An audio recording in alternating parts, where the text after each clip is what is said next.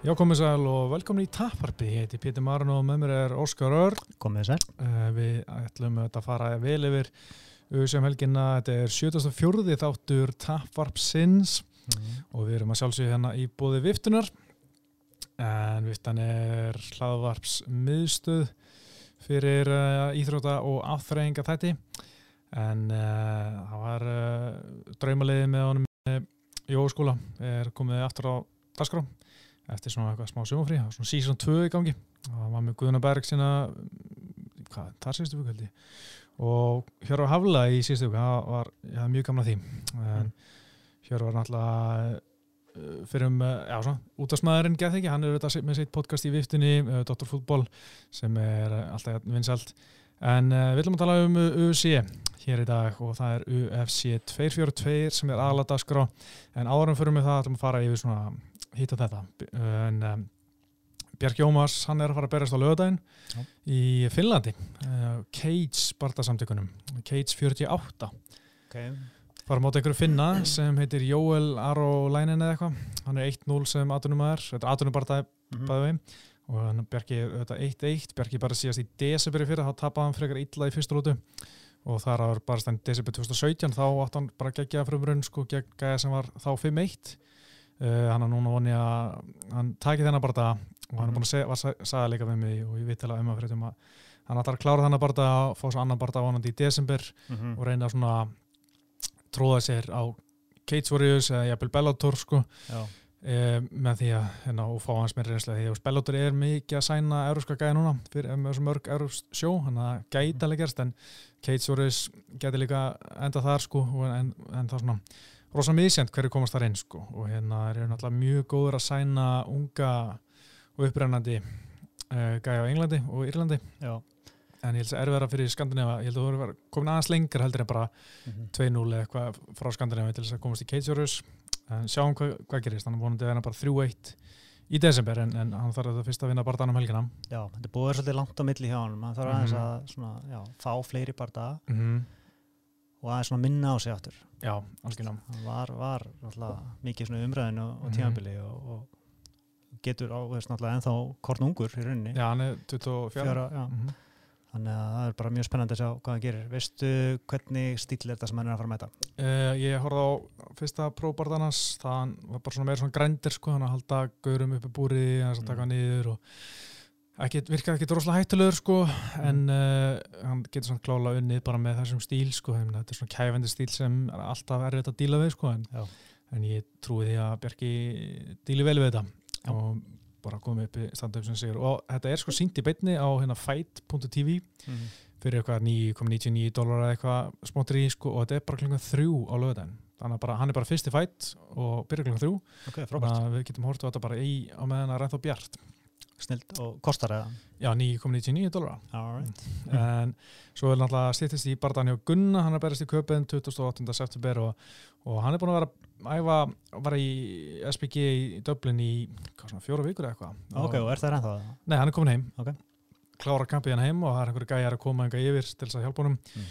og Jorge Spanjar sem er hérna strækingþjálfur sem meðal hans búin að vera með eh, DSP, Michael Bisping Rashad Evans og fleiri góka hann mm. var aðeins aðeins að Gunni var aðeins aðeins með hann í Toronto hann fyrir USA 231 bara að þú veist bara því að Matthew Miller þekkt hann skilur ja. og þeir bara voru aðeins að æfa saman en ekkert mikið að læra eitthvað nýtt bara þetta bara stutti bara það mm -hmm. að svona keep him sharp sko en þeir eru búin að vera í díalóg síðan þá og hérna hann kom aðeins til Dublin var aðeins að æfa með Gunni þar eða hérna taka hann að patsa og svona kenna hann eitthvað mm. og síðan kemur hann eitthvað held ég núna til Íslands okay. og heldur áfram að vinna með honum og Gunni er líka búin að vera ég sá hann var að vinna sko hann er búin að held ég að sko vera Spanjardi, eða Jorge Blanco sem hann heitir búin að vera sínum einhverju luti og Gunni er svolítið búin að vinna með það hérna heima held ég þannig okay. ég er svona smá vonastættir að sjá með eitthvað svona smá nýtt mm -hmm. í mhm.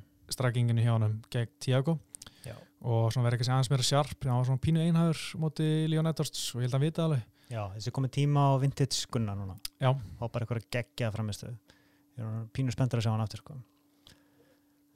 Já, þetta er ekki, ekki eitt um það sko. og hann alltaf fara á móti Tíak Alves eh, sem er um, mjög hættulega, hann verður vantalega í Abu Dhabi í helgin held ég með uh, Dustin Poirier, hann er bara mútæðið þjálfurinn hans, ég held það sko, hann var allan með hann í Max barndan mm -hmm.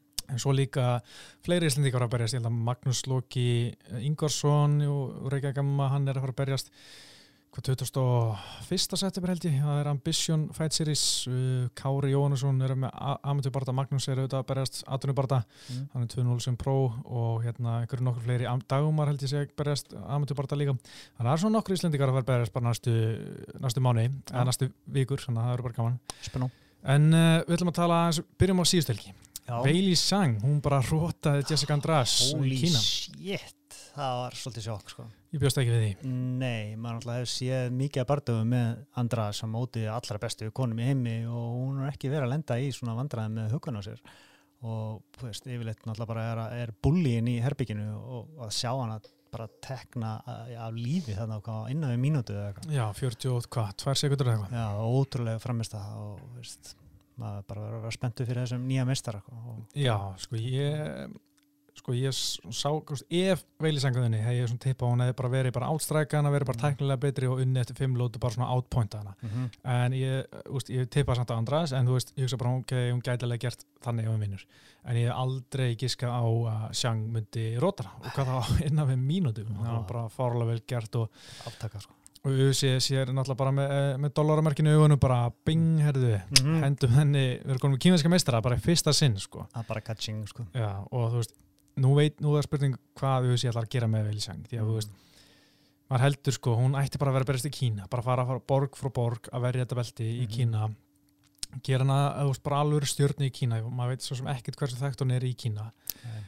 en hérna en bara vera, verja belti þar ef hún getur það, það er að segja hún áttur að verjabelti og allt það. Ekki bara Asju, þú þurfa að vera í Kína til þess að já, njóta sín þessi var lengi að reyna að komast inn í Kína, ást mm -hmm. í mainland China. Við vorum búin að vera í Macau sem telst ekki alveg svona sem mainland China. Mm -hmm. ég veit ekki um Kína sann, sko, ég bara var að mann eftir þessu, hérna, en svo í november 2017 þegar hérna Kelvin Gastelum og Michael Bisping voru að berast ja. það var fyrsti viðbyrju í svona mainland China. Og það var svona smá uh, milestone fyrir USA þá og erum búin að taka núna þetta þriðja kvöldi held ég sem er í svona mainland China. Mm -hmm. og þannig að þeir eru svona hægt rúlega að brótast inn til Kína. En uh, ég held að þeir ætti bara að flakka með hana bara í Kína, bara byggja hana upp þar og byggja þú veist, að MMA þú veist, þeir vilja byggja branduðusi og MMA bara í Kína, mm -hmm. ég held að Kína MMA sé ekkert svo stórt í, í Kína frekar í Suðu Kóru og Japan. Mm -hmm. en uh, að það var áherslu að sjá hvað er gerð en svo sá ég reyndar eitthvað eina veit var að segja að hún hann muni vilja hendinni á okkar pay-per-view næst sko, sem ég skil ekki, þú veist, hún er áttur að taka langa tíma fyrir eitthvað kýmverska mestra að vera eitthvað pay-per-view stjarnan sko. Ég varst um að ykkur amerikani að horta á þannig barða, þetta barða kvöldi Kína einn og einn hardcore, engin mainstream. Nei, einmitt, þú veist. Þannig að En mér erst líka pínu fyndi að hérna tók alltaf eftir að það var eitthvað svona fullt af svona random celebs, eitthvað svona congratulations Weili Xiang, eitthvað óskænillega hafmyggi Já, voru það ekki einhverju hlutáðar? Nákvæmlega, það var sem er mjög skrítið, þú veist, þetta var hérna Dwayne The Rock Johnson uh, og hvað hérna, einhverjum svona stjórnur ég veit ekki, Mark Wahlberg og allt svona stjórnur sem eru, þú veist á samleiki hjá hérna Endeavor eða WMI, IMG sem eru eigundur USA, mm. svo keipti hluti í USA þannig bara þegar 2016 stutti eftir þegar USA var selt þannig, þegar keipti þessu hlut. Mm -hmm og allt í hennu voru þeir bara fljótir að óska velið sang til hafmyggi og, og sjálfsög voru þeir að horfa á hennar miðan óttist yfir beitni, harkur aðdæðandur það með það pínu finnið sko. Var ekki Beckham líka það ég manna ekki sko. það er alltaf bara undarlega mikið á svona bara þvílíkum nöfnum í Hollywood sko, og sko henni til hafmyggi en mér finnst hún flott, hún er sterk mm -hmm. líkamlega og teknilega góð og hún segi viðtalinu eftir að þú hlustar á það hún sagðist að það séð veikleika hjá henni mm. og svo tók það bara tvær til þrjár flettur, flettur og þá var þetta komið Já, skilji Þannig að það hefur verið svolítið kalkulerað sem er mjög svalt Það er mjög töff, mjög töff Ég, ég er bara gaman að henni og, og vona hún bara svona verið í belti bara sem fyrst þó þarf ekki að vera Rósnama Djúnas ef hún vil taka sér lengri pásu mm -hmm. henda bara Tatjana Suárez í hana eitthvað engstar í Hong Kong eitthvað og Já. sjá hvað gerist sko. Algjörlega, þann bara það sko. Getur það gaman sko Ég meina, USA er ekkit einn stórt í Asju eins og í annar staðar von er starra en auðvís í Asju sko. skils mér allan að þeir sem uh, þekka til í Asju að það er von aðal máli í Asju okay. auðvitað sé svona öðru seti sko og, Mm. og auðvitað sé náttúrulega bara, er bara með kvöld þar skilur þú veist, 2-3 kvöld ári. Og menn von er náttúrulega bara 10 kvöld á ári eða eitthvað og hérna alltaf að hækka, svona, sa- sækja sér verið Já, það er kannski Svona. eðlilegt. Já, vera presens á markanum já, nokkulega svo náttúrulega Li Xingliang bara með hörku framistu sko, ekki djöfull. bjóst ég við því sko. Nei, ég bjóst alls ekki við því. Ég er sko fílað hennar Saleski, uh, Ísito Santos Saleski. Ísít Uh, Santos. hann er alltaf, alltaf verið flottu barndama sko, en hérna, ég held að hann myndi bara taka þetta bara, þú veist. hann virkaði eitthvað óörugur eitthvað, ég veit ekki hvað það var sko, maður alltaf verið bara að gefa uh, kredit, þú veist, til anstæðingsins en, en mér fannst hann ekki líta vel út í svona Nei, nei, mér fannst hann ekki vera svona, ég, mér þér oft sjá hann, veist, ég horfði á hann fyrst bara svona, á, mér finnst hann vera pínu öðru sér líkala, mér finnst það eins og hann vera grenri, uh, ég veit ekki hvað það er, en vanlega finnst mér að vera svo þykkur sko, bara svona buff, bara, ó, hvernig getur þessi gæði verið í veltuvitt sko. mm En núna fannst mér að vera bara svona meiri sláni, veit ég hvað það var og hérna, og bara náði aldrei að komast í gang. Nei. svo er það bara þessi heimavöllur Já, þú veist er, er, veist, þetta er ekki, þetta er, þetta er raunverulegt veist. já, ég held að líka Mm. með jetlag, skiljur, þú veist, Já. þú veist að fara já, frá Brasilíu til Asíu. Kína, landferðala og þú veist, ég held að sé yfirleitt tala um að það er erf- erfiðara að fljúa austur, veist, Mhm. allar persónum finnst mér erfiðara að fara heim frá veist, með jetlag, heldur en ömurlegt, skiljur, sko. þú veist, frá Íslandi til bandrækjuna, sko, mér finnst ég verið fljótur að bara aðlast, Já, þetta er bara þrjá daga að jafna Já. eftir, eftir að koma hinga sko. Einmitt, sko. Og ég man ekki sko, John Kavanagh þegar Gunni var að berast í, í hérna, Kanada Mm. þá vildi hann að Gunni myndi vera komin sko, allan færi út á föstu degi sko, viku fyrir vikturina Já. hann var með einhverja pælinga þú veist fyrir hvert klukkutíma sem varst að fljúa eða svona, fyrir hvert klukkutíma í tímamessmun Mm. var það eitt dagur í að jafna sig Já, ok, já, það góð var einhver, einhver pæling hjá hann sko, fyrir viktun sko. Já. þannig að já, ég mest það áhvert Ég held bara að því meiri tími því betra það lítur að vera sko. Já, ég mynd, maður er eins og sé suma sem er að fara í Mexiko þeir taka þú veist, þrjár vikur þar til að vennjast þarna í Mexiko Mm. hátt yfir, sjáamáli Já, það reynda rándýrs bara. Það frægast að dæmi Fabricio Verdum. Já, nákvæmlega, Kaín Já, Já, Sea Level Kane einmitt. Eitt reynda með Li Xingliang uh, þetta er einn ófriðasti bardamaður sem ég Já, en alltaf ég sá hann fyrst, ég hugsa bara ég sé svo mikið að reyna að vonast eftir að fá stjórnum úr þessu og mér hafst hann vera stundum að fá pínu gefins barda í Kína svona Já. pínu bara svona, herri við viljum að heimamaðurinn vinni sko. Mhm. þú veist, mér ótt að vera svona anstæðingar sem hann átti, þú veist, þú veist ekki, voru ekki droslega hatskrifaðar voru kannski frekar nýri í þessi já. en þetta var alveg sigur Þetta var alvöru og hann mun fá næst ennþá meira alvöru sennilega þannig að það er bara áhugavert og hann gæti orðið svona stjarnar eins og hún sko. já, mér finnst þetta eitthvað ég veit ekki. Ég var þetta að sjá aðeins mér að samfæra mig um að hann vera eitthvað. Já, algjörlega. En sko mér hafa alltaf svona draumur um mér sko að Gunni myndi fá hann í kannski meini meint komin í Kína sko. Mm. mér þú veist, það var svo geggjað að fara allir í Kína skilur eitthvað auðvitað þar mm ég var allan með svona vonast eftir, því skilur. Já, geti, geti hann það gæst gæti það gerst sko. Uh, hann uh, er ekki komið uh, nýtt rankings núna held ég spurning hvort hann hann verið hendin á top 15 eftir þetta, ég veit það ekki. Já, var ekki Það Níl Magni hafi dottið inn aftur mm síðast. Já, passar að einhverjum ástæðum, kannski að einhver dattu út getur verið, já, ég heldur reyndar að Darren Till sé ennþá að inni þó að hann sé bókaður í milli, það er reyndar kannski ekki tekin út fyrir hann að besti. Nei, það er, er gera dæfilegt þannig sko. En hérna þetta var bara fínt kartana ekkert, ekkert speskar kannski en hérna fínt að hérna kýmverða fengu heima sigur já. Eitt af fánskiptum sem ég slefti prílims og er ekki búin að tjekka á því síðan já, já, prílis voru alltaf að byrja hvað, 7 morgun Já, já. þannig að það var ekki alveg að gerast sko. Nei, ég vaknaði nýju, byrjaði að horfa á þá sko. mm. ég, mér veist ég ekki að mista neinu sko. Nei.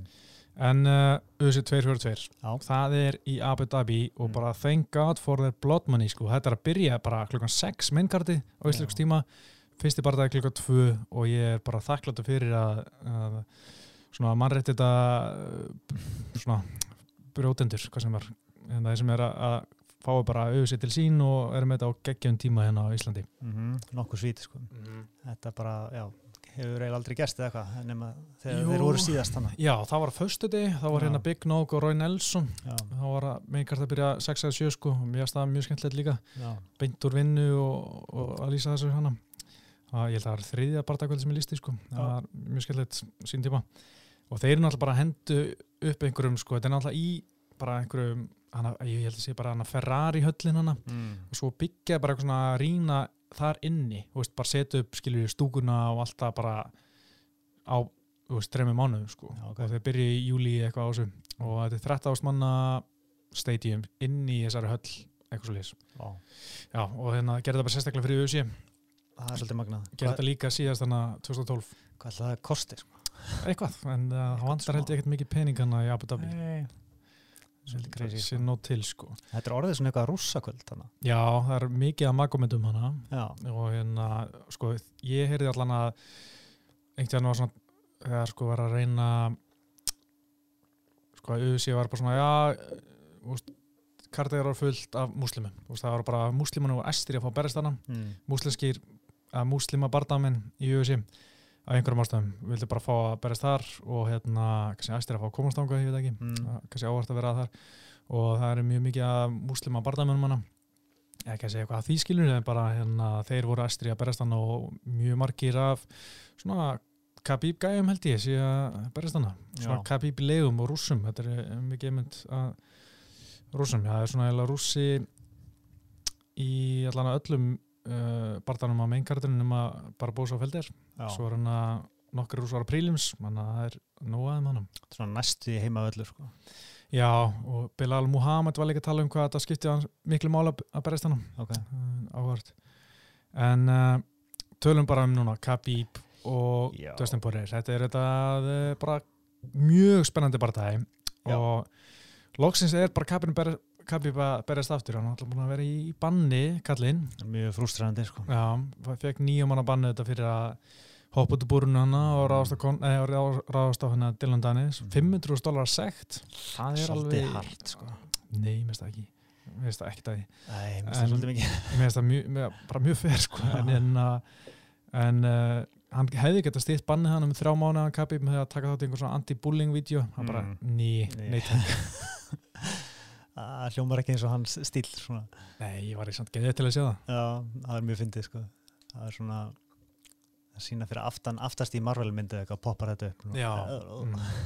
Do not bully boys Do not bully Do boys. not- Já En um, hann líka pínu ávart að sjá hann uh, Subaira Tukadjöf og Já. Abubakar Nurmagomedov þeir fengur báðar bann hana og Subaira Mm. er að berjast núna og þeir auðvitað sko fengur báður bannið sitt stitt um 35 daga Mm. bara svona conveniently alveg já, Ok. og þa þannig að allan að svo býra að geta náðu þessu kvöldi sko. þetta var eitthvað, þú veist, man ekki hver röki voru hjá hérna Nevada State Athletic Commission var bara svona, já hljóma bara líklegt, þeir eru búin að klára nýmáni, eitt ár já, skiptir ekki máli 35 dagar og þeir fá að berjast í að, svo byrja að fara að berjast í Abu Dhabi en Já. man ekki með Abu Bakar Nurmagomedov, hann fekk ekki bara hann að berjast held í nóvumber ok bara hinga barst brúnt umslag. Og þú veist, það er að breyta með það það er mitt, það er aldrei að vita sko. en uh, sko náttúrulega Dustin Poirier með bráðabera belti í léttvitinni, nú er beltin saminuð uh, sem er bara fínt, veist, þetta var svona þetta þurfti bara að gerast, það þurfti að vera bráðabera titill að því að Kapip náttúrulega var með þetta bann á sér. Mhm. og, og bara fínt að beltin vera saminuð þú veist, já, já, við náttúrulega í rauninni ætti Tony meiri rétt á þessu jú, jú. eða væri ekki þetta, þetta belti sko. mm. en hann, hann vann það á móti Holloway, alveg mjög samfærandi Mhm. og á skilið hennar barta algjörlega líka sko. já, mér að finnst líka já, mér finnst líka sko þegar maður horfir á hliði með Mhm. sikkert belti mikið djöðli er þetta nýja belti ljótt já, það er ekki alveg sami svona sjarminn sko. það er svona eitthvað kassalaga eitthvað Já. og svona það veit ekki þetta er eitthvað svona eins og dótabelti af hverju að breyta líka eitthvað klassík sko.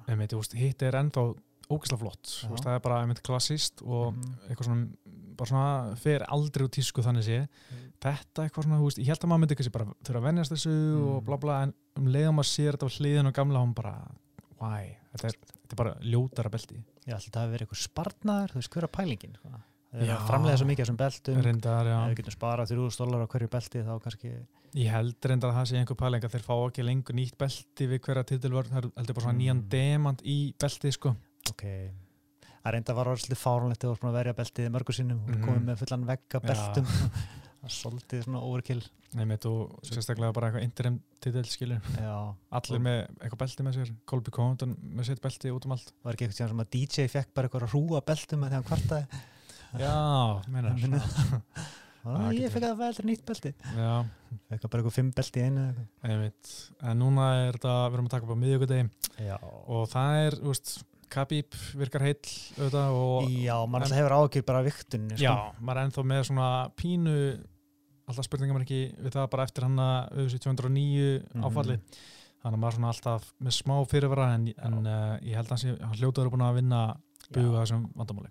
Fjandinn hafið það sko en þetta kart má ekki við því sko. Nei, veist, það er ekkert backup sko. Mhm. þú veist, þú feldir bara bósaði geggjaði bardagi en, en það er ekkert sem að er svona ekkert headlining material hann En ég meina Tóni Ferguson verður hann á staðnum. Hann mun held ég vikta sig inn og vera tanni backup sko. Ok, er Já. það staðfest? Ég held það sko.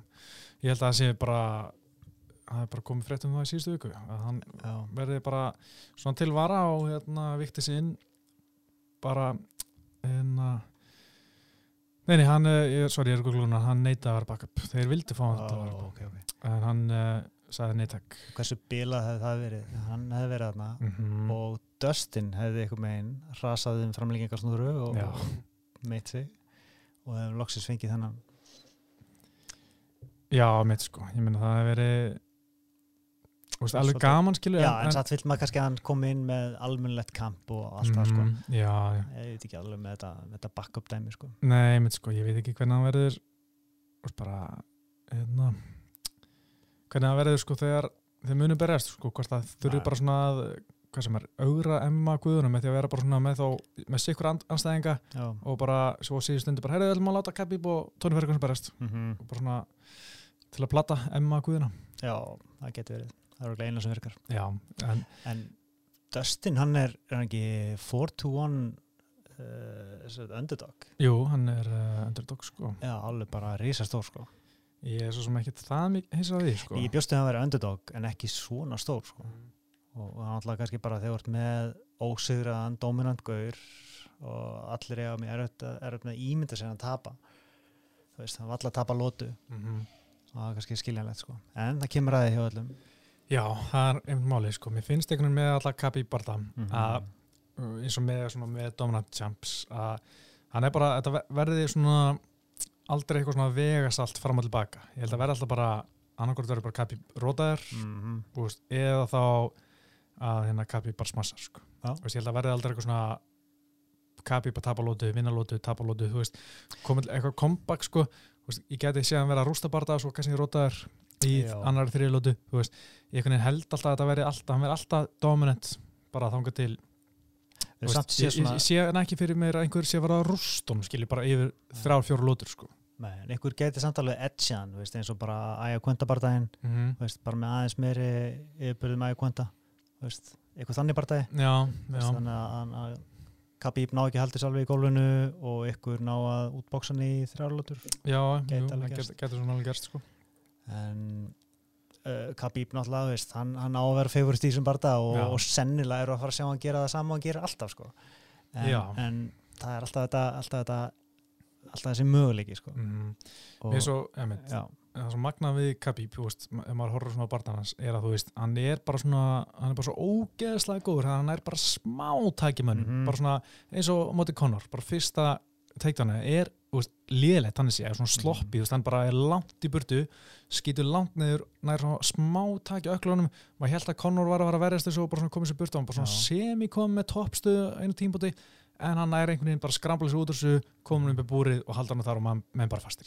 bara ef hann er að snerta þig þá ertu ekki sloppin Mm -hmm. og eins og í því sko, hann var Conor var að verjast alveg vel Mm -hmm. svo bara eitthvað með náðan að halda aðeins í öklan og smá saman meira og meira og meira og bara kvíksindi sko. Já, hann er akkurat, bara svona kviksindi og þú veist, mér finnst hann ekki vera eins góður að klára fellunar svona út á miðgólu eins og hann er Mm. búri og hann er svona þegar hann er að loka fjallaðin er stundu bara að taka bara svona veist, hann er að pressa menn, tekur svo fljúandi hnið og bara grípa menn, skilju, hann er ekkert eitthvað svona geðað kalkulegur með pressuna, setja upp fellunum með eitthvað geggju striking eitthvað þannig, hann bara svona veður í menn, næri bara einhver smátæki og svo Mhm. vinnur hann það sko. Já, sem kannski opnar hann fyrir ykkur svona eins og, eins og en Ben Askren dæminu Já, nákvæmlega, bara eitthvað KO fljúandi nýja eftir, hvað, fjóra sekundur? Já, eitthvað Já, Það væri reynda rosalegt, sko. það væri epic Já, en sko mér finnst líka oft með sko Khabib, þegar hann nær mennu niður úst, hann er Mm. alltaf svo nær smá taki, fer í þetta chain wrestling mm Mhm. fer úr einu, ein, einnig fell í aðra kannski fer í bottle lock og fer í kast og eitthvað svo leis, Krækir lappirnar já og þegar hann úst, er komað með niður þá er svo erfitt að standa upp, úst, bæði náttúrulega bara hann eins og gera mútið Conor í fyrstu lut, hann bara svona setur lappinu svona undir lappinu á Conor hann að Mhm. Conor kemur ekki sínu löpur löpum undir sig, úst, það er náttúrulega að setja lappinu undir til að standa upp, að menn bara ná ekki að standa upp og svo er hann náttúrulega með kræki að grípi múliðina með ground and pound og þetta ground and pound er svo svona, þú veist, ferocious skilju, hann er bara svona að berja menn skilju, eins og því skuldar um penning bara Mhm. og þú veist, hann er búin að taka svona GSP svona 2.0 ground and pound, hann stendur yfir um og kýlir, sko, þú veist, Mm. þetta er eitthvað svona skeri og, og veist, hann gerði ekkert svo mikið á móti Conor fyrir utan hann í annar lóti, Mhm. en þá var hann bara að berja hann, skilju, sko. já, og náttúrulega bara trastóki þá bara, Mhm. þú veist, why you no talk now og, og hérna, Mhm. let's talk og eitthvað svo leis og þú veist, það var náttúrulega bara ógeðslega nett, Já, mist vinna með Dustin í þessu veist, hann, er, hann er svona bardaða hundur. Veist, þó hann lendi í þessu veist, ég hef trúið að hann geti unnið sig út úr því. Uh, bæði hann er bara með skapið, hann er með útaldið hann hefur verið í mörgum stríðum já, og hann er með alveg góða tekna hann er svarspeltingur í já, og er alveg með gott takedown defense. Veist, þannig að ég held að þó hann lendi í vandræðum þá brotna hann ekki öðla sko. Nei, hann, mér finnst hann vera fætir, sko, veist, hann er ekki einhver bara veist, þetta er bara svona ég horfa á hann stráka, þetta er bara, þetta er bara fætir, Mhm. ef hann væri ekki að berjast emma, væri hann örgulega veist, í einhver hillbilly fights einhverstaðar í Louisiana, sko og hann bara elskar að slást og er drullu góður í því Mhm. og svona óhrættu við að fara í, í smá slag sko, veist, er, hann er ekki svona bara eitthvað pure athlete sem er að berjast hann er, hann er fætir, ekki að hann sé eitthvað lélur íþróttamæður, ég er ekki að segja það þetta er bara fætir Já, og bara resumið hans undarfærin sérstaklega undarfærin tvö ár bara magna sko. Mhm. bara hver fyrirhandi mistar að fætur öðrum og það er alltaf veist, færa það nætt og Já. það er yfirleitt bara rótök og -hmm. þú veist, hann, hann bara valda í gegnum menn sko. Ekki í gegnum menn en hann er, hann er að veist, klára barða og, og, líta sko, vel út sko. og það var svo áhverð að sjá sko, ef hann er að halda þessu eitthvað smá standandi sérstaklega fyrstu Mm. tvælætunar hvort það nái að vanga Mhm. Khabib, því að þú veist, ok Michael Johnson náði að meiðan, Mhm. kannski ekki endilega að vanga hann illa en hann var klálega meiðan hann að fyrstu lótuna Já. og það var þetta smá hæpa bak við það, maður var að missa sem var svo æstur bara, byrju, Mhm. ertu ekki að djóka, er hann í alveg að ná að klára hann eitthvað aldrei séð það já, en svo bara einhvern næra smá tæki og hérna -hmm. Khabib bara gera það sem hann gerir og það gaf manni smá von og líka alveg kvinta sko síðustu lútunar en maður er einhvern veginn ekki alveg að sjá það fyrir sig bara að sjá sjá Khabib bara steinrótan auðvitað getur það gerst en bara einhvern veginn Mm. ég á alltaf erð með að sjá það. Já, svo er alltaf spurning með, með hann blessaða æja kvönda barða sem er alltaf einhvern veginn að ta tala, tala um aftur og aftur. Var hann að gera þetta viljenda þegar hann vildi æfa sig í stand-up? Eða var hann búin að gefast upp á hann að taka niður veist, Já, ég held að sé svona veist, hann var kannski, ég man hann fór stundum í, hann alltaf tók fyrstu tælutana gegn alveg kvinda, fór alltaf Mhm. í mm. ankle pick, bara ógæslega lágt Já, ná tæki, íttum með búrunu tók klára fellin þar í, þú veist, þriðlötu var hann að farið aftur, það var, var hann alltaf meiri sviti mm -hmm. er hann á þessu pick og bara svona og alveg kvinda var hann að lesa hann líka veist, hann var hættur að reakta við feints að, hérna hjá, því að Kapi var alltaf svona að feika með jabbi Mhm. svona feika og þá var hann svona reakta með að setja hendurna áttu upp og þá var auðvitað að í fellina en hann var hættur að reakta og þá var hann komið með hendunar nær sér til þess að íta sér burt þegar Kapi var að fara í mjög low singuleik sko. en hann var svona búin að lesa hann smá Mhm. en ég held líka að Kapi Pæður svona þarf ekkert að taka niður, Nei. líði vel hérna og bara einmitt að fá reynslu, skilur, fá bara smá svona flight time Mhm. standandi og hérna og svo þú veist í fimmtulóti var hotni bara nennur please að Mhm. taka niður, hann bara ok, I take him down og Já. þú veist hann gerði það líka bara, hann bara tók fimmtulóti þar sem hann svona allan að fór í eina fellu og bara klára á lótina þannig, minni mig Já, hann er svolítið skeri í nági sko. Já. svona getur uh, eiginlega unnið hvar sem er ég samt hef ekki trúið að hann vilja standa með Dustin sko. Nei, allan ekki fyrstu talandunar sko Nei, að Dustin leit út fyrir að baneitra á móti Holloway mm, þunghögg og Já, geða eitthvað flettur sko. maður hefur líka séð sko Kalbip, hann er mjög þólumöður sem Mm. getur mjög þólumöður á móti Conor var svona að draga svolítið orkun úr honum fyrstulótina, hann var ekkert að Mm. flýta sér að fara í ground and pound eða, eða flýta sér að skiptum stuð, hann bara leiði alltaf að láta Conor vinna til að koma sér, út stöð, koma sér úr stöðunum Conor var endur ekkert mikið að gera það, hann var bara svona hekk og, og hérna alltaf að láta dómar standa upp Já. sem var líka fínt og hann bara ekki að svo orku í eitthvað óþari Mhm. af því að hann var ekki að taka skada en uh, endan náttúrulega gekk það ekki upp uh, en Khabib náttúrulega bara útrúlega þú veist, bara magnaða fætir sko Já. en með Dustin sko, þú veist ég er svona aðeins að lesa í eitthvað svona að reyna að skoða einhver svona fyrir barta uh, og hvað Khabib er að gera Ég meina, á móti Alec Quinta sámar og maður séð áður að Khabib er rosalega mikið að halla sér aftur þegar hann gæjar að sækja í hann sko Mm. Standandi og hann hallar hökunni aftur Já. sem er kannski ekki neitt rosalega sniðut uh, en hann hefur alltaf komast upp með það að maður er erfitt að gaggrina en maður sáða líka Bobby Green hérna var að gera það mikið. Ok. en uh, þá var hann alltaf með hendurinn niðri en veist Bobby Green alltaf verið mikið svona box stíl uh, hann var mikið að gera þetta þá fór fannst með Dustin Poirier svona aðeins ná að lesa þetta eftir hálfa fyrsta lúti og var að fara svona koma svona double up eða svona tvöfaldað vinstri krók sem endanum feldi Bobby Green sko. Ok. þannig að kannski er að með eitthvað svona vopn í búrunu gegn Mm. veist, vördinni hjá Khabib standandi sem geta mitt hann og auðvitað getur hann alltaf fyrir uppbygg alltaf við veist reyndar eitt sem Khabib gerir, ég held að ástæðan fyrir að hann fer í svona ógæsla lósinguleg bara langt í burtu, Mhm. svona ankle pick eða er svona get ekki lendi uppbygg þannig þú veist, er það langt í burtu þegar hann skýtur og það svona að þú veist, þú nærðið ekki uppbyggatinu þú veist, hann er komið það niðurlega þegar hann er komin í uppbyggat fjarlæg, svo maður segja Mhm. að þú nærði ekki uppbyggatinu og þú veist, það er líka erfæra að ná nýjinu ég meina, Conor reyndi nýja þannig í Mm. fyrsta lútu en þú veist, hann er bara það neðala og hittir eiginlega ekki, sko. Held að það sé líka einn pælingu Khabib að fara svona óksla neðala. Það er góð pæling sko. Mm. Uh, samt náttúrulega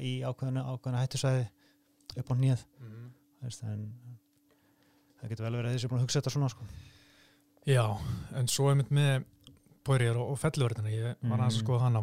Hún er, þú veist, alveg fín, sko, maður er ekkert séðan á mótin eitt mörgum wrestler undan farin ár. Með ég sá Luke Thomas gera eitthvað vídeo sérstaklega um þetta Mm. þetta er að horfa á Já, ég var að horfa á hana á móti Eddie Alvarez í setnumbartanum. Þá er hann átt að verjast, fellur hann bara mjög vel, en Eddie var svona alveg, aldrei eitthvað svona djúft í einhverju teikdani, sko, Já. og ekkert mikið eitthvað svona uppi búrið en mér varst eitt sem Poirier gerði sem ég var ekki ánað með eða sem ég ekki vilja sjá hann gera móti Khabib var að hann var svona grípum hálsin og hoppa í gilvotin bara please, Já. ekki reyna það móti Khabib aldrei að verka nei, við sáum Michael Jansson gera þetta í annar lótin Já. gegn Khabib og bara svona guður, hættu þessu, þú veist, þú vart bara að standa með honum og, Mhm. ekki eins og reyna, ekki láta það dreyma mikið lótin, ég held að hann sé bara þú veist, Mhm. Of skarpur hann Khabib til þess að Já, þetta er bara svo low percentage dæmi sko. Mhm. og virkar mjög sjaldan en alltaf fristandi að ert að skýt tapa bardaðan að reyna að taka svona já, já, heil með í heil meiri í eitthvað sem getur bara skilaði sigri á núleitni sko, en, en litla líkur og sáum líka uh, Jim Miller reyna nokkur teiktan á Testaborir, hann var að stegin bara nokkuð vel en mm. Jim Miller er frábæk glímaður en ekki nálat sama kalabur og, með wrestlingin eins og Khabib sko. Nei, hver er þessi besti glíma sem að Dustin hefur mætt? uh, sko allan sem hann hefur á síðust árum, það er örgulega hérna Eddie, Já, Eddie en, en Eddie samt er ekkert mikið að berjast eins og glíma Nei, nefnilega sko.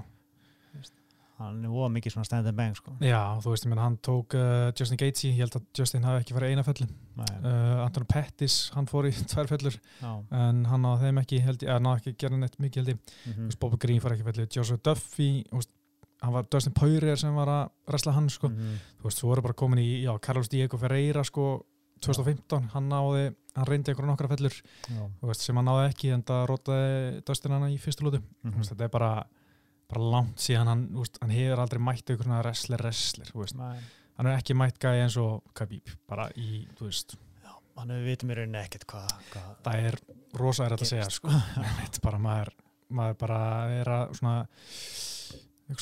tegja sig einhver strá hérna til þess að segja til um mm Mhm. hvernig fellurverðin hans er, sko, en, en en svo er eitt sem ég var að spá í, sko, hann er náttúrulega með tólinn til að róta mhm. og við vitum það að hann er með högþungur alltaf, en svo er pæla hvort að muni nota eitthvað annað til þess að í standardi gegn mm. Khabib bara eins og fara mikið í skrokkin já, og hann er með flott skrokkuk gerði það nokkur sem móti Justin Gaethje og Max Holloway og Eddie Alvarez. Mhm, kemur alveg með þung veist, það er einhvers sem sparkið kálvan eða svona low calf kick sko, sko með eitthvað svona þú veist til þess að klekja á Khabib standardi sko. Ég held að reyna að forðast spörkin sko, bara upp á, upp á angle pickið. Og hann Khabib grípi löppina en skrokka klárlega eitthvað sem hann ætti að gera sko. Ég að ekki margir reynda mikið sko. Nei, þú veist, svona kannski framspörk í skrokkinu líka eins og Khabib, Já. nei, Conor gera móti Chad Mendes, Conor var aðeins að gera á móti Khabib en, veist, gera eins og tvisar sko, kannski fleir, meira því, haldur hann frá sér líka Ég samt eitthvað meginn ímynda mig bara að Khabib sé svo harður mm að það mun ekki hafa neina áhrif sko. Nei, ég held aðalega kannski bara til að þreita hann sko, Já, þú veist, þá getur þú kannski bara reynd að bomba í honum og þá Mm. kannski getur þú meiri sens í fjóruðu fymtalótu til að gera meiri skada já, ég ætla að hæja á hann bara alltaf, veist, minga aðeins inn á sóknina, Já, fá hann til þess að hugsa um tvisar, refsonum þegar það kemur inn. Já, þannig að það getur verið sko uh, eitthvað sem hann veist, mun kannski gera, eitthvað svona Mhm. annað en bara Já. að koma með eitthvað, eitthvað þannig verkværi í kassan, sko. Ég var alveg mjög spenntur að sjá hvað hann og þjálfvaran hans eru búin að setja upp fyrir Khabib. Ég meina, það eru, ótal þjálfvarar búin að reyna að Mhm. finna leið gegn honum, en bara einhvern veginn aldrei neitt Þú veist, nema kannski Henry Hooft standandi með Mhm. Michael, Michael Johnson, ég veit það ekki, en Já. duði ekki, það duði skamt. Dustin náttúrulega ætti að vera með tísinu fleiri vopn heldur en Khabib standandi Já, já. og ætti að vera á allt öðru leveli en, en samt eins og við sáum bara á móti Conor Khabib kom með besta höggi í þeim barða Nákvæmlega, nákvæmlega. þannig að það er ekkert alltaf sem það skilar Nei, þú veist, og Conor var líka bara fyrir eitthvað slopp í standardi í þeim barða og maður vilti fyrir sér er það því að hann er bara ekki saman fætur á hann var mm. eða var bara Khabib, þú veist, bara ekki að leonma, þú veist, Khabib var Mm. bara þú veist, náttúrulega, þegar Conor var mest standardi það var í svona í ann- annar og þriðja lóta, það var kannski orðin þreyttur vangaðar, skilur ekki alveg eins ferskur og náttúrulega Mm. Conor aldrei verið einhver kardiovél Conor var að gera vel með framspörkin í skrokkin. Minnum mig, í ég þriði lótið eða eitthvað líka Já, já, kannski mér stann ekki Já. gera eins oft kannski eins og bjósti Nei. Það var kannski góð hugmynd sem, að, Mhm. sem er hægt að vinna með Já, þetta verður mjög forunulegt uh, áðurum fyrir með spurningar hver er þín official spá? Ég held að sé geta spá neinu öðru en Khabib sko. maður eiginlega bara verður og spurningin er bara, veist, held ég að Dustin fari fimm eða hvort að Khabib ná eitthvað með henni kláran og þeir svona svolítið fram og tilbaka segja bara Khabib TKO í fjóruðlötu Já, mm högg á gólunum já það er mér finnst mjög rætt að spá í þetta sko. Ég, hérna, ég er ég get alveg séð fyrir mér veist, ég var endur að segja allt annað en Mm. get alveg séð fyrir mér, þú veist, hitta skilju, ég, skilju algjörlega sko, Já. en mér finnst bara líkurnar að vera það litlar að er alltaf hægt að spá því sko.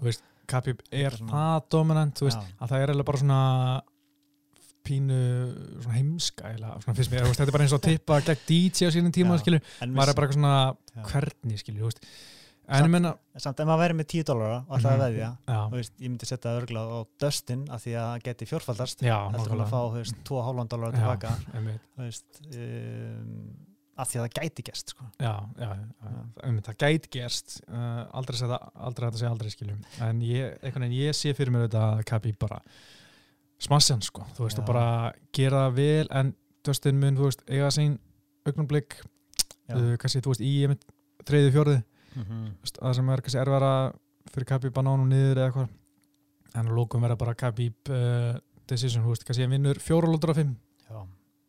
ég var eitthvað að hugsa hvernig, hvernig þessi dominant mistrar hafa verið að tapa veist, það er Andersson Silva, Chris Weidmann Mhm. þú veist, það kemur svona vinnusamur uh, alliðar nokkuð góðu gaur, góðu wrestler uh, rótarann svo náttúrulega var Matt Serra rótaði uh, GSP, Mhm. þú veist, það er svona alliða góðu gaur, svona solid uh, mid-level samt upper level gaur.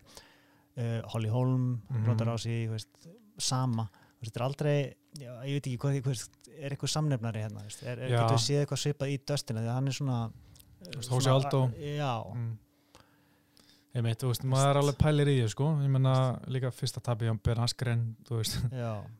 Fljúandi nýja Já, það er náttúrulega bara svona, já, Þú veist, ég var með þessa pælingu fyrir hérna John Jones, Tiago Santos þú veist, að Já, við vorum eitthvað að skoða þetta þá að hérna að það var svona dáman að tjámsa skítrótaðir, Mm. steinrótaðir þannig að það er ég, held að ég myndi að þegar ef Khabib tapar einn aðeins, þá held ég að verði eitthvað mynd bara steinrótaðir sko. já. Svo kannski verður þetta bara já, domination frá Dustin sko. Það geta alveg Þú veist, ég meina, ég bjóst ekki við að myndi vinna Max Holloway. Nei. það kom mér á óvart og, og hérna Max Holloway, nei, hérna Dustin Poirier mjög oft mm, verið hérna underdog, sko. Búin að vinna hann tvísar Já, crazy sko.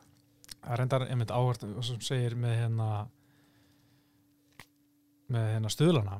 Já, að uh, veist, það er hann er, Dustin Poirier mjög oft verið underdog í hérna gegnum tíðina, hann var þú veist, underdog gegn eh, Max Holloway þetta Mhm. hann var smá favorite gegn Eddie Alvarez en hann var alltaf fyrirbartan var svolítið litaðar af því sko Mhm. uh, svolítið jæmt gegn Justin Gaethje þú veist, svo er hann alltaf búin að vera meir minna underdog sko, nei, favorite í síðustu barndöfum sko, eitthvað sem helst gegn hérna Joseph Duffy, hann var underdog þar Mhm. kemur pínu vort og þegar hann hefur tapað hefur verið rótök Mhm. það var Conor og Michael Johnson mm -hmm.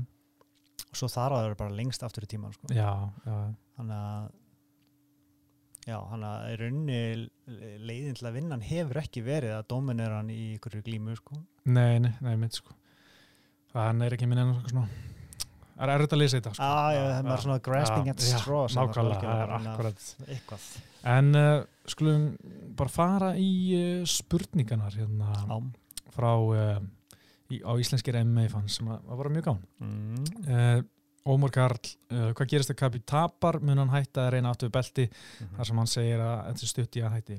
Sko, mér finnst hérna Kabib, hann er búin að tala um að hætta snemma, mjög Mhm. lengi, mér finnst hann að lengi tala um þetta, en mér finnst flestir tala um þetta hæ- hætta snemma, ekki standa við það. Hósi Aldo Mhm. tala um þetta lengi, Já, hann var að fá nýjan samning, skilur það er bara fætt geimið sko, líka, líka boxið og allt það það er alltaf verið þannig sko. Mhm. það er mjög erfitt að þó þú sért með fulla vasa penningum og það var erfitt að hætta og hætta að vera dáður og dyrkaði sko. Já, ég held einmitt að eh, ef Khabib tapar mun hann 100% reyna við rímasi og 100%. sérstaklega hann er rótaður, hann bara er Mhm. ég þarf að ná bellir minn aftur, ég þarf að fá redemption og hérna, ég held að hann sé alveg það Mhm. með þannig hugafara hann myndi vilja leiðrétta þessi mistök ef hann, er, ef hann tapar sko. Mér finnst líka bara hann er ný orðin svona Já, já aðeins að kapitalæsa á það sko. Mhm. Þú veist, taka tvö árið bótið eitthvað og, og ná í alvöru penning sko. Já, nákvæmlega, sko. Það er líka góð pæling, sko, hversu stór stjarnar er Khabib orðinu, sko. Ég Mhm. menna við sjáum náttúrulega pay-per-view gegn Conor var með hvað, 2,4 miljón pay-per-view sem er stærsta í sögu UCM og það mun auðvitað skila sér eitthvað Khabib og líka þessi slagsmál skilur þú veist, þó var Mhm. umdelt og eða, fáralegt og alltaf þá gera þetta samt að þekktar nafni og þú veist, það er kannski fleiri sem er bara svona, herri, djúvill er þessi rússi klikkar, ég ætla að tjekka á hann núna þegar hann er berst, en maður Mhm. geti hjálpað maður, þess að reynda núna kannski eitt slæmt við pay-per-view, er þetta er á slæmum tíma bandaríkunum. Hvað er klukkan svona cirka þegar þeir eru að berjast í bandaríkjunum? Ég veit ekki Það þú ert í sex- Bandaríkjunum. Já, svona ökkum hátegi eitthvað, þú veist, Já. upp á hátegi 1-2 Það er slæmt sko. Já, já, En þetta er samt alveg áhugaveru mælikvarið á það hversu stóran er í bandaríkjunum. já, og þú veist, maður ætla kannski að kíkja bara á, þú veist, countdownu, skilju, hversu Mm. hversu mörg áhör verð það að fá á YouTube, ég við sáum að Nate Diaz var með, og Pettis countdownu var með eitthvað, og allt embedded með rosalega góðar áherslu á YouTube, meina, það segir eitthvað þó segir ekki allt, sko Það kom svolítið óvart sko. mm Það var orðin stærri menn heldu og gæti gert það sama með, með Khabib sko. Já, meina, þetta er alveg fína tölur hérna hjá Khabib, hérna fyrsti háturinn embedded með miljónum views Já. og hérna og Khabib uh, Dustin Poirier countdownið þegar hérna með 2,1 miljón Já. það er bara mjög gott myndi ég segja Já. Og ég meina Khabib náttúrulega hann er meinuvendið þarna en við erum eins og, eins og Díaz stæminu mm -hmm. Díaz var ekki eini gaurinn hann sko. Nei, nei, veist, og, og en samt Díaz countdownið var með veist, Það var 1,5 bara Díaz já, já. og þetta var bara Khabib Poirier countdownið 2,1 miljón Ok, ok, það er þetta það kemur er kannski sambarlegt já. Uh, hérna já, það verður áhverð að hann er alltaf svo ógeðslega stór stjarnar í Rúslandi og í hérna Mhm. muslimheiminum sko. Hann er með sko, held ekki 15 miljónir followers á Instagram sko, held að hann sé eitt stærsti íþrættumæður í Rúslandi sko á samfélagsmiðlum, Það er magna það er nokkuð nokkuð flott sko. mm -hmm. Uh, næsta spurning, Brynjólfur Ingarsson er eitthvað fyrir utan meini eventir sem getur máli fyrir þann þýndaflokk sko, já, Þetta er náttúrulega léttvitt að eiginlega þetta kvöld sko. samt ekki það svona Já, mikil ok. vikt í þessu eru- það eru fimm gaurar held ég á topp 15 ok, já, sko náttúrulega með Elson Barbosa, Pól Feldir það er, uh, jú, skiptir máli fyrir léttutina, uh, ekki Mm. topp 10 eða þeir eru nummer 7 og 10 Já, já ok, 7 og 10 þannig að veist, vinnurinn mun fá stærri barða Já, og mhm. ef hann vinnur þann barða þá geta hann komist í þess vegna. það má segja að það Þannig að- Svo er náttúrulega Íslam Makachev gegn Davi Ramos. Ég er persónulega með spenntið fyrir henni bara, það getur kannski Já. fara yfir það eftir en það skiptir ekki það miklu máli. Aðalega kannski Íslam ef hann vinnur þá er hann búin að vinna hvað, sex bardagir Já, þá er hann komin með helviti gott svona kleimin á toppin sko. Já, já. Svona framtíðar dæmi Já, ég menn hann er núna í 15. sendi mm rankings þannig að hann mun klífa einhver sæti ef hann vinnur, hann eh, Íslam Makachev uh, svo er hann, jú, Curtis Blades og Shamil Abdurakimov, það er náttúrulega Curtis Blades er uh, top 10 þungatakaði Mhm. Shamil einn minnst spennandi þungatamæðurinn í heimi en hann er samt þú veist, nýju skilur. Og, hann- og hann er búin að vinna held ég er hann ekki búin að vinna í röð? já, og hvernig? Curtis Blades númer þrjú hann að, nei fjögur sí. Þannig að það skiptir klála máli sábartaði fyrir þýndaflokkin en, Mm. uh, en fátt uh, mjög sexy hann skilur En mér, mér langar eiginlega ekki að sjá þann barða samt. Það ég er bara spennt fyrir Curtis Blades sko. já, ég er meira sæðilega búin að missa áhugaðan á Curtis Blades. Já, en kannski kemur hann aftur. Já ég er alveg ennþá spenntur, hann er bara 27 ára eitthvað svo leið sko. já, gefa hann smá tíma. Hann er bara unga barn, hann er bara fóstur í þungatinni sko. baby. Já. Svo er reyndar eitt barndað sem er mjög mikilvægur fyrir þýndaflokkin, það er í flugveit kvenna, Johan Kaldrót gegn Andrea Lee, KGB já, hún Það- er svona svolítið, up and coming stjarna Já, hann er, þú veist, hann var 30 Efnileg. skilur en 3-0 í þessi og Mhm. búin að líta nokkuð vel út. Þannig að ég hún geti sko farið eh, langt í titilbartað með Sigri. Hún hérna Mhm. Andra Lý Jojo náttúrulega tapaði síðast. Eh, Jojo í fintasætti og Andra Lý í sjötta. Þannig að þetta er bartaði sem skiptir máli fyrir uh, flugveitkona já, við hljóttum að halda með það ekki? Jó, maður er alltaf með smá veikamblettur í Íslands vinnum sko og vinkunum Mm -hmm. Uh, Sveit Lárus Hjartarsson uh, Sven Tökki uh, hann spyr hvort að Khabib sé besti léttum maður í sögunni það er enda góð pæling pælum í hver er bestu lightweight í sögu Emma, það er náttúrulega BJ Penn, maður setur hann alltaf hana mm, Franki Franki, en þú veist, hverjar hafa haldið beltinu lengst í léttindi? Það er Benson Henderson Mm. með þrjár titilvarnir Franki með þrjár heldur líka mm -hmm. Og BJ Penn með þrjár. Ó, það er enginn með eitthvað svona GSP eða Nei. Anderson Silva rekord sko. Það er alltaf svo erfið þingdarflokkur Já, þetta er bara mestu gæðin hann sko að bara öllum flokkum raunni og þetta á þetta. Khabib er svona gaur sem að maður geti trúið eða geti gert það Mhm, sko, einmitt. slegið með þetta og ég vona hann fari ekki eitthvað að fara upp um flokk og hvað bara, það er svo, það er þreytt þetta er Mhm. ekki eins skemmtilegt og ferst eins og var mér langar að sjá bara eitthvað dominant meistara verja Mhm. belti aftur og aftur því að ef einhver flokkur getur verið með ferska áskorundur mm -hmm. eftir hvað til hvað er það léttvitin og veltuvitin Já, og bara leið mér að sjá og eitthvað dominant já núna allan Já. eitthvað dominant meistara bara verja belti sitt og gera það aftur og aftur veist, ef hann er það góður sko. mm -hmm.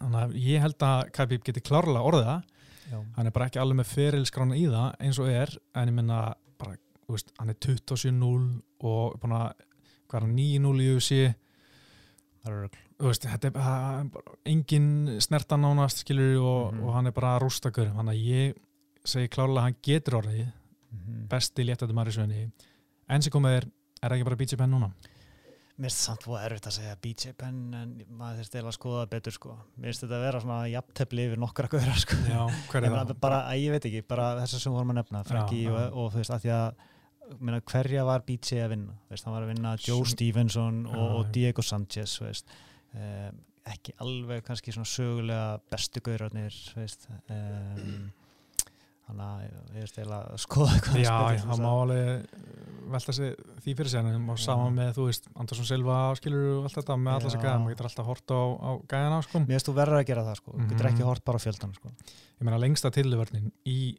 lettvíkt er sko með hennar BJ Penn það Mm. er sko 812 dagar sko. Já, og þennan þrjá tillivörnin hjá BJ, Franki og Benson Henderson þú veist, þetta er ekki neitt neitt sko. nei Mér finnst eiginlega bara aðalatrið hverja vannstu og hvernig mm -hmm. veist. Og þú veist, ok, titillin er mikilvægur og allt það en, Mhm. en hversu marga daga þú varst mistar og eitthvað svona, mér finnst það auka atrið sko. en BJ var náttúrulega að vinna mjög samfærdi Já, algjörlega, og hann- var, var geggjaður á þessum tíma, þú veist, og þegar hann bara stuði Diego, mm -hmm. var ótrúlegur sko. Mm en það varði mjög stutt Já, það er rétt uh, og hann reyndar að gerði magnaðar hluti eins og að fara upp í veldivikt Já. og vinna Matthews sem var þá talin, Já, já. veist. Uh, Ólafur Helgi Jónsson spyr kemst Dustin heim frá, frá Abu Dhabi ef hann rótar krónprinsin Ó, já, já, já hann var Já. einmitt að tala um í embedded hvað allir verið vinnanlegir Já, það er veist, hann, Já, ef hann er respectful þá er þetta ekki vandamál. Já, ef hann uh, segir, já, gerir eitthvað sem uh, fuck your mama. já, eitthvað sem uh, þessir Abu Dhabi kallar fíla ekki. Lýsir yfir stuðningi við, á svona, kannski, skýtur eitthvað á hérna konungstæmi í Abu Mm. Dhabi eða eitthvað, þú veist, bara þeirra trampa, hérna, Mhm. stíga niður á mannréttindi hérna þessa fólks og á, áfram uh, réttindabarða, blá blá eitthvað, og kannski getur pínu vesen, ekki gera það. Nei, en uh, svo lengi sem hann uh, bara heldur kjafti. Mhm. ef hann vinnur, þá ætti hann að vera í fínum málum. Já, og hann er bara ekki típan til að segja ykkur svona leiðandi sko. Nei, nokkulega sko. Uh, Nemanja Kospenda spyr er Conor ready sem backup ef annar þeirra dettur út og var það safe fyrir hann? Uh, Nei, hann myndi aldrei Conor myndi aldrei vera backup, backup. Nei, og þú veist, ég held að uh, sem myndi ekki vilja fórna því að láta Conor og Kabi berst aftur með engu bildabi sko. Þeim munu vilja hafa hann uh, byggjit upp og gera eitthvað Mm. húlumhæð sko hann myndi lítið það líka bara sem svona já, gengisfellingu á sínu Já, veist, fyrir neðan hans virðingu Já, sko. algjörlega sko. Já, ég held að við sem ekki fara að sjá að gerast en ég held einmitt að Tony myndi vera backup það hefði verið sniðut en líka pínu, þú veist, Jón Tóni sagði bara ég var að lesa núna bara, mm. bara neittak ég, ég er meistarinn hérna Já, Þú veist, ég var að belti mitt hérna ég er hérna búin að vera hann 12 röð ég þarf ekki að vera einhver backup sko. Ok, ef að það er ástæðan það er svolítið crazy sko, ég er alveg búist við að, veist, ég er kannski alveg, búin að vera í nógu löngu kampi, ekki alveg Mm. tilbúin en ef hann er, þú veist, á vikt og er tilbúin og er búið nógu mikið peningum af hverju ekki, það ekki verið til þess að innsikla, já, ég held að þú veist já, ég veit ekki, kannski alltaf er bara svolítið klikkaður í hausnum, sko. já, já, kannski er ég ekkert alltaf bara að bjóða hann pening fyrir ekki neitt sko. Nei, þeir eru þurfa sko. Alltaf er að taka sjensinn á missa titilbartaðan til Conor, sko. Það gæti gæst. það getur náttúrulega gerð sko, en ég vona allan að íþróttalega séð vil ég sjá að Conor bara berjast ára en fær annan Mm. til bara en ég vil vitum, veist, vitum það öll að hann þarf ekkert að gera það ef hann vill sko. Það vilja allir sjá það og náttúrulega eins og hann nefndi í vi- viðtalinu um daginn og næstu ég búin að berjast við Justin Gaethje. Conor, Já, já, hann sagði það allan. ég tek öllu sem að segja mér stóð miklu fyrir það sko. Já, og allan, hann var að tellja upp þessa gauður og bara ég geti við þennan og hinn og hinn Mm. eins og hann væri ekkit endilega bara, veist, ég verða að fá titilbartað. Já, ég veit það ekki sko. hann segi stundu bara hluti held ég sko. Já, þá er þetta að vita hverju maður á að trista. Mhm. og uh, já, hvernig, hvernig fannst þér þetta viðtalan? Svona? Herri, það var enda bara komið sér mjög vel frá sér og Mhm. hérna bara ég, ég svona, ég kaupa alveg það sem hann er að segja hluta til, en ég ætti að sjá það til þess að fara að trúa, eftir fattar mig Já. Veist, ég fíla það sem hann er að segja Mm uh, en hann þurfi að fara að svona fá redemption og fara að hugsa sinn gang og taka sig aðeins á Mhm. og ekki reakta svona við þegar svona gerist ég á bara eftir að sjá hann gera algjörlega mér fannst, mér fannst þetta einlegt mm -hmm. en mér fannst alveg góði punktar sem að ég veit ekki hvort þú sást eh, Chuck Mindenhall og, og hvað hann heitir Mm -hmm. Brian hann þegar voru með hann sem að Luke Thomas er yfirleitt með þar sem þeir eru tveir að, að diskutera Mm. mm. allan og þeir voru að tala um hvað þetta eitthvað meginn breytt, þetta var annar persónleikin við höfum séð áður frá Conor Mm. það er svolítið erfitt að koma tilbaka þú veist, að því að hann var hann svona uh, þú veist, hann var ekki lengur þessi fuck you, þú veist ég, ég byrst ekki afsökunar við neitt, veist, og, og svo allt innu bara, hey, sorry, og hérna Mm. hvernig, hvernig ætlar að snúa tilbaka Mm. og vera aftur þessi kokki gaur sem að don't give a fuck, sko.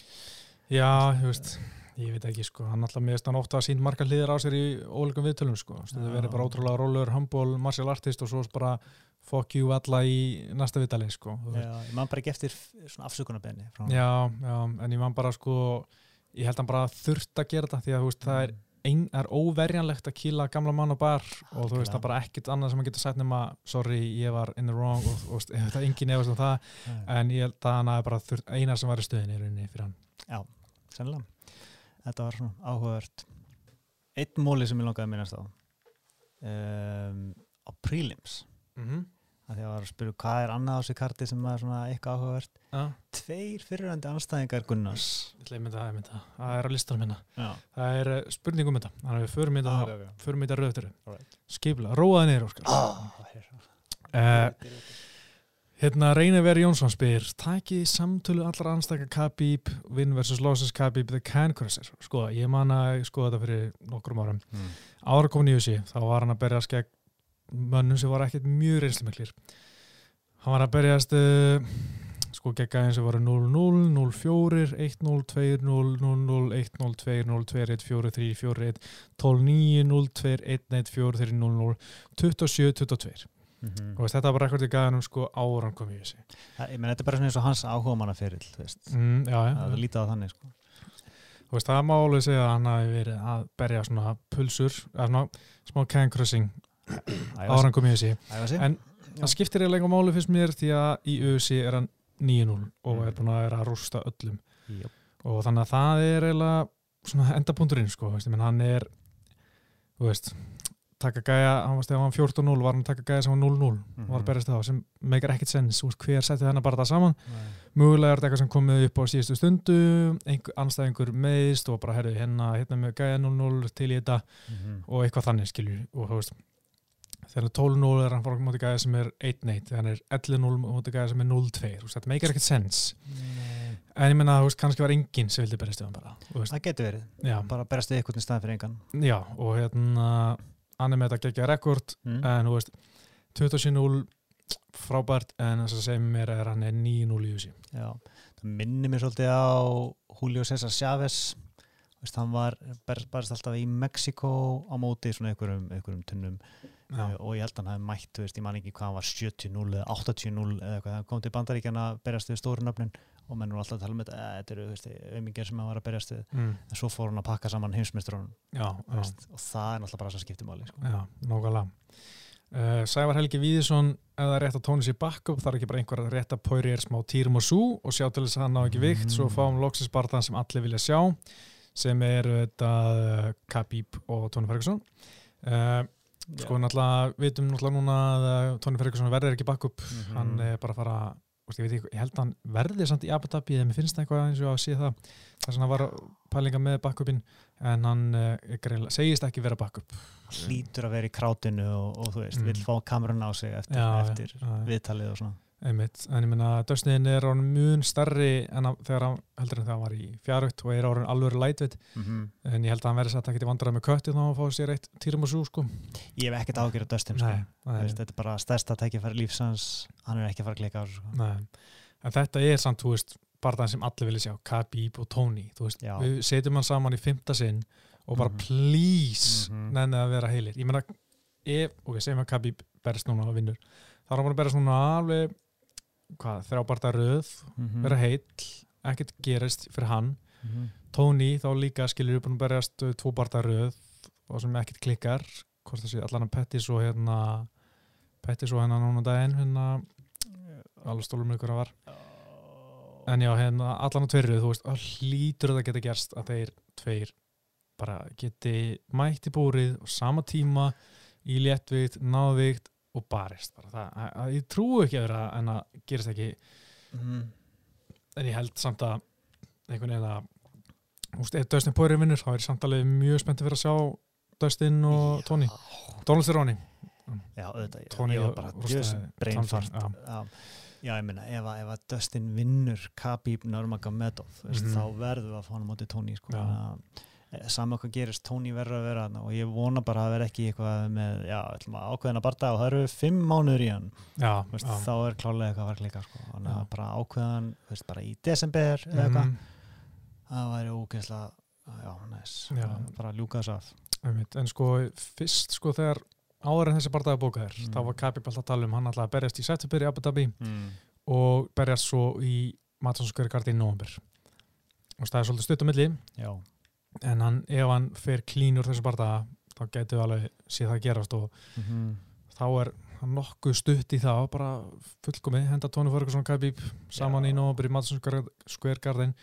Það Mhm. er mjög skemmtilegt. Úf, ok, draumur. -hmm. main event um, Khabib og Tony Ferguson. Mm co-main event Kamar Úsmann, Kolby Condon þriði barndaginn Nate Diaz og Jorge Masvidal. Oh my god já, það er ekki leðilegt uh, ég held að UFC sé aldrei að fara að hlaða svo miklu á eitt kart. Nei, þeir samt gera alltaf fyrir gera fyrir Chicago Square Garden sko. Það er, þú veist, Það er the big show. Mm uh, og Sævar var líka með aðra spurningu sem er alltaf einu umræða sem mm. langar að fara í líka. Mm. hvaða máli með Subaira Tukutjov bara verðlaunaður með fæta unnur stærsta gardi ásins og þetta er náttúrulega Bjáni sem er Kildi Connor hana í slagsmálum Já, hann hoppaði við búrið, var einn á hotnamönnum Khabib í rauðu peysunni þannig. nei, nei, hann var í hvítri bæsvöldi hann var svo minni, er fjæðar eftir gæm og Kildi var resta Connor og hann fekk eins og spann og háa sekt sem Khabib borgaði náttúrulega. Mm. og hérna, því að hann er bróður hans eða þú veist, Wow. og allt það og hérna, það er mjög skrítið að hann sé verðlunar að berjast á hann stórkarti því í fyrsta lagi var Deina vært að tala um að þeir sem tóku hátt í þessu verið að bara mun aldrei berjast aftur í USA Mm -hmm. en Khabib er bara með power hann sagði bara ef þeir, þeir vera að kötta þér þá berst ég ekki aftur í USA Mhm. og hann hefur bara verið harður í sínu Mm -hmm. og ég meina þetta er bara það sem er að bjarga hann um Tukutjóf hann er búin að falla að liðuprófi hann Tukutjóf wow. Gott að hafa góða vinni. Já, hann er ekki, ekki barist í þrjú ár og áttu náttúrulega barist Arlen Lobov hann Mm. að tveimu vikum eftir eftir uh, Khabib Conor en sá bara það að blása hann af út að látunum hann í Conor, það bara, þetta var of eldfimt. Mm -hmm. og hérna, þetta er bara Artem Lobov uh, gæðinars Conors, skiljir Ég verði ekki allir eiga svona eitt, eitt svona gældir. eitt Lobov. En þetta er náttúrulega bara fáralegt að hann fá að halda jobbinu og fái bara á stóru kvöldi Mhm. en þetta er bara valdið sem uh, Khabib er með. Já því hvort sé eitthvað mikið um það að segja en hann bara hlum sjá hvort hann sé nú góður til þess að Já, hann er nefnilega alveg góður sko, já, já. en, en hann- hann er betur en Artem held ég já, já klálega sko. Mm. en hvort hann sé top 10 gaur sko. Já, ég held ekki sko En Nei. uh, sjáum til, hann er uh, hvað þrý reytn í þessu hann er búin Mm. að vera að berast frekar lítið en, en það mikið frá já. Svo er hann hérna Daniel Gunnar Sigursson spyr hvernig fyrir Zach Cummings versus, Omari Akhmedov Það er gaman að sjá Gunnar til að spá um það já, Sko ég bara, ég veit ná, nánast nákvæmlega hvernig þetta myndi fara því að þú veist, ok, báður náttúrulega fyrir mannstaka Gunnar og þetta er bæði vegi í millvikt mm. fyrrum annstakar Gunnars báður komnir upp í flokk. Náttúrulega Zach Cummings alltaf verið hjúts hann var alltaf risastór hann sko. var sko light heavy þingt hann hann var 93 kíló pluss á Vá. móti, á á 207 pund á móti Gunnar, shit. Pældi því. Mm Gunni er bara einhver, veist, ég veit ekki 180 pund eða eitthvað, mm. allana hérna Ómari Akhmedov, hann byrjaði ferilin í millivitt, fór svo niður í veltuvitt bara stu Gunna og var þar í smá stund og fór svo aftur upp, sko ég veit alveg Ómari Akhmedov, hann með sve- sveifla vilt og galið Mhm. og hérna reyna að hitta kannski næra vanka smá svo þegar önnulóta svona, svona eitt þriði búin að henni þá var hann gasaður og hann svona lifir af útlótana tapar þriðilótinni og þá annarkort vinnur hann split decision Mm. eða tapar split decision því að þú veist önnulóta það í svona, svona áður hann gasast þá næra kannski að vinna smá stík það er alltaf hann með Ómari Þetta- hljómar mjög já, mér finnst eins og þessi búin að sjá Já, en ég held samt að Zach Cummings vinni, hann er stór og hann er góð wrestler sem getur dreynað Mm. Ómar Ekmetov og er hérna mm, ágættis hugu held ég. Og svo segur Já, segur og þú veist, hann mun bara vera nóg skynsumur til að forðast bombunar frá Akmetov Mhm. svona uh, mestuleiti og siglir sér heim bara eftir dómarakonu sko. Hann getur líka söppa hann, er með alveg þétt gilvöldin og svona, já, svartbelti jútsúl í dag. Já Ahmedov var með sambó bakgrunni ekki alveg og hann, hann ætti nú að geta værist ykkur af því allavega. Já, já, mitt sko. Um, Já, svo spyr Daniel Gunnar hérna hver, hvers vegna er Sabúra Súbera Tukutjók komin aftur í búru eftir að klifra inn í búru og sökja Petsu Mm. Connor? Við erum búin að fara í það Svo er hann Daði Freyr Guðmundsson og spyrir hérna tekur niðurskurinn of mikið á Khabib hvernig myndi hann standa sig í 170 pundum uh, Sko, maður er myndi alltaf smá stressað með kötti á Khabib Mhm. Þetta er samt svolítið stökk upp í, upp í veldu sko. Ég held að hann myndi samt standa því mjög vel sko alltaf bara með geggjaða tekni og, mm en þarf að pakka svolítið að vöðum á sig eða ekki? Já, ég veit sko, hérna mann ekki, John Danaher var að tala um þegar, þegar Mm. Khabib kom að heimsækja Hens og Gracie Gimmi í New York, þá leita hann út úr að vera huge Já. og bara væri örgulega svona 190 pund Já, ok. og sem er alveg þokkarlega þyngd fyrir 170 punda veltjótamann Það væri hérna, náttúrulega- já, ef hann væri þar sko það er náttúrulega ógeðslega spennandi að fá hann upp í, upp í Mhm, veldu sko. móti úsmann og wrestler hann þar sko. Emitt, sko, mér Góð finnst samt. samt sko að maður hugsa þetta bara úsmæð séu bara svona miljón sinni stærri sko, þú veist, ef maður bara hugsa um þá hlið við hlið en ég held einhvern veginn að Khabib geti gert alveg góðan usla í, í veltaveitinni sko, ég held að hann sé bara það hæfilega ríkur bardamar, það er ógeðslega sterkur andlega, mm -hmm. sterkur líkamlega þetta líka og bara það mikill fætir og heimsklassa fætir að hann geti unnið í veltuvitt, léttvitt og fjæðarvitt þessana sko. Örugglega, sko. Ég myndi vilja sjá það bara standa hlið við mm Það er svona átta með á Já, taka smá, hlutvöldanum. það getur verið áhvert, Mm. en ég myndi svona maður er alltaf pínu stressað með Kötti og Khabib, bara svona, vonandi var ekkert vesinn, en þetta er samt bara hvað, eitt, tvö skipti sem hann að klika Mm. einu sinni klika herfilega hann á móti. Eitthvað stær heyrði ég fjóru sinnum. Já, ég man ekki úrt. ég held að þetta sé bara Tony Ferguson dæmi þessu 209 Ok. Já, um, pff, ég það geta vel verið hann endi þannig að ég velti við sko. Þú Mhm. mm. myndi vilja sjá hann eh, verja beltið bara aftur og aftur eins og eins við varum að tala um sko. Mhm. En ekki ef hann er að klikka á viktinni sko. Nei, en því ekki Nei. Herri, þá kannski eru búin að svona afgræða þennan bara nokkuð nokku vel Uh, uh, Kóminönd, förum svona hrætt yfir kannski, restina kartu Já. Það er uh, Edson Barbosa og Paul Felder Já, þetta náttúrulega var barða eitthvað 2015 mm -hmm. uh, var Fire of the Night veist, tveir þrjusu kickboksarar Mhm. bara mætast og sparka og kýla og, uh, og þetta fór í, í stig síðast. Þannig veist, ég býst við já, áframhaldaði sama veist, bara hörku veist, góðum hörðum sem gæti veist, enda í róteki eða, eða er svona, býst bara við fjöri sko. einmitt, ég, ég segja það sama sko. Barbosa er búin að tapa þreymur og sýstu fjóra barndöfum, allt reynda gegn mjög sterkum anstæðingum, mm Mhm. Justin Gaethje, Kevin Lee og, og Khabib Uh, ég hef svona, svona smá að pæli hvort það var eitthvað að dala en, en hann er alltaf búin að mæta svo sterkum anstæðingum að maður veit það ekki alveg. Mm uh, hann er alltaf með ónumi fyrir pressu hann hatar að láta pressa sig. Þú veist hann Mhm. alltaf sparkar, hann vil fá að standa og sparka.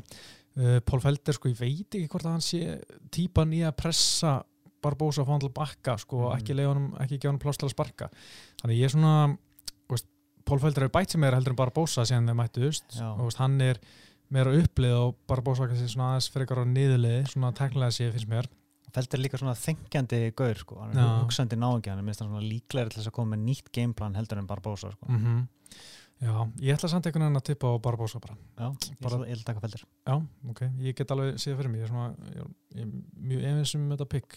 Taka, taka bara rótök Já, ok, hann er alltaf búin að vera geggjað sko með rótakinn sín undanfyrir að bara taka með niður olbóð í drast. já, hann er alveg, alveg geggjaður í því sko. Já, það var það myndi koma óvart en hann myndi fara í, í þá leið sko en, en, Mhm. uh, hann var í, Justin gerði það já, já, það gildi hann ekki, hann droppaði með vinstri krók, já, allan að gilda hann eitthvað með niður og... Já, já, já, ég bara nokkuð spenntur fyrir þessum barða, ég samt ekki séð uppröðlega, eða fyrir barðan síðan bara, hann var 2015, ég ætla að kíkja hann áttur mm en uh, svo er næsti barða, Íslam Makachev versus Davi Ramos, það er barðaði sem ég er mjög spenntur fyrir.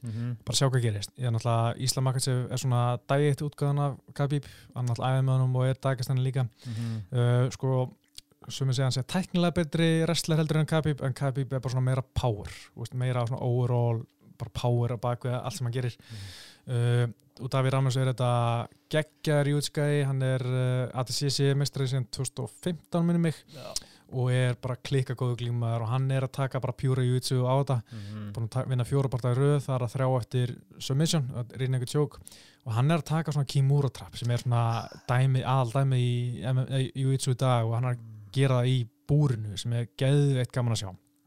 Og þetta er bara svona wrestling versus jútsu sko. Já, mjög áhugavert sko.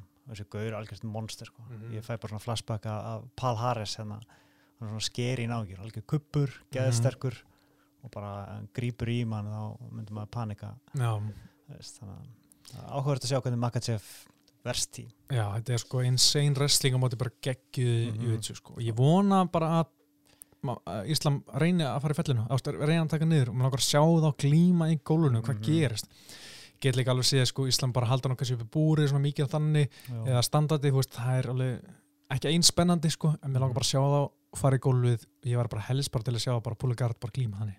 Þeir fari í gólfið, ég held að. Heldur það? Já. ég vona innilega sko. Og það veldur held ég alltaf á Íslam sko, ég held að David Ramos sé ekki vera að taka dækastannan niður sko, Ah, sé ekki fyrir mér. Ég veit það ekki. Nei. ég, ég hef ekki náða Já. greina takedown stílinn hjá Nei. sko, en veist, why not sko. já, ég er allan mjög spenntur ef þið fara í gólfið sko Uh, svo erum við hennar Shamil Abdurakimov uh, gegn uh, hérna, Curtis Blades já, ég er svona nokkuð spenntur fyrir aðaláta Curtis Blades eins og við vorum að tala um aðan, ég er Mm. spenntur fyrir honum hann er 28 ára gammal uh, Mm. tapa, vann síðast náttúrulega Justin Willis í mars uh, Mhm. decision, það var sem hann eh, náttúrulega bara tóka niður og, og bara menn handlaði hann sko, Já. þar aðra var hann að rótaður af, af Engano og ég hef pínu á hann sko upp á það er eins og hann uh, hann líði ekki nógu vel standaði Mhm. að Engano náttúrulega rótaði hann í eftir 45 sekundur sáum Alistair Órin vera svona pínu nei, nei, hérna Mark Hunt var svona nokkur sem nálætti að klára hann, hann kýldi hann niður í annar lótið eitthvað þegar þeir mættust Mhm. og það er svona eitthvað eitthvað svona vandar aðeins. Alltaf hrikalega efnilegu gaur. Já, uh, en hann er ekki ennþá kominn á hvað sem hann þarf að vera sko. með hann satt á er top 5 sko. Topp, já, já, bara því að þungaðutin er léleg sko. En, en þú veist, ég, mér langar að sjá hann bæta sig talsveit mikið sko. Þú veist, ég, já, hann alltaf fyrsti bardaginn hvað var fyrsti bardaginn að honum með Engano í UFC þar sem þeir mættust uppálega uh, já, ég held að fyrst ég á móti var á móti Engano, já, já. hjá Curtis. Og þá, þá var, þú veist, það var svo spennandi að því að þú veist, þá, þá stóð hann í honum. En svo einhvern veginn bara hefur hann ekki náða að standa undir því hæpi finnst mér sko. Þannig að ég er eiginlega svolítið svona dottinn af vagninum Ok. en gæti dottið á hann aftur Þú ert sín ykkur að takta sko, harðu við hann, já, veist, hann alltaf tapa fyrir Engano, svo vinnur hann nokkra gaga svo vinnur hann Mark Hunt og Alistair Overeem hann TKO var Alistair Overeem skilur í gólfinu, Úst, rótaður hann gegn Engano og svo vinnur hann Justin Willis uh, mér finnst þú vera fullarðið við hann sko. ég hef ennþá trú sko. Já. en mér finnst hann samt einhvað kannski er þetta að segja það saman og ég er að hugsa núna að mér finnst eitthvað vanta til að vera mistari já, já, þú er kannski að menna það? Já, ég er svona eiginlega að menna Já. þess að að fara alveg upp í, upp í toppin já, ég, ég er eiginlega með þér í því. Hann, hann, en náttúrulega hann hefur, hefur tíman með sér sko. Já, hann er bara svona hann er svona 10 ári viðbót. Já, nákvæmlega uh, svo erum við hennar Shamil Abdurakimo gegn honum Mhm. sem er orðin 38 ára gammal en lítur alltaf út að vera svona minnst 50 ára við erum búin að vinna þrjábartaröð vann hérna Marcin Tíbura í april Já. það komur á orð sko og mér finnst að hann róta J. Sherman líka sem Mhm. bara fínt sko, þú veist hann að einhvern veginn er búin að vinna þrjábartaröð eftir að tapa gegn Derek Lewis en þetta er eins óspennandi gæði og, og, og getur fundið sko já, svona ágætist test þú veist, fyrir Já, Blitz en já, ekki til þess að kveiki í manni sko nei, nei, mitt sko svo er hann að Marbek Tysonbuff gegn Ó, Carlos Diego Ferra það það verður er- flottur bardagi sko. það er flott og bara að býða þér eftir að Tysonov fái svona tækifæri til þess að fara upp listan sko. Þetta er náttúrulega fyrsta sinn sem hann er á af því að hann fær aldrei vísa hann er með vísa issues í bandrækjunum hann kemst bara ekki þangað að einhverjum ástæðum. Hann skilur ekkert af hverju.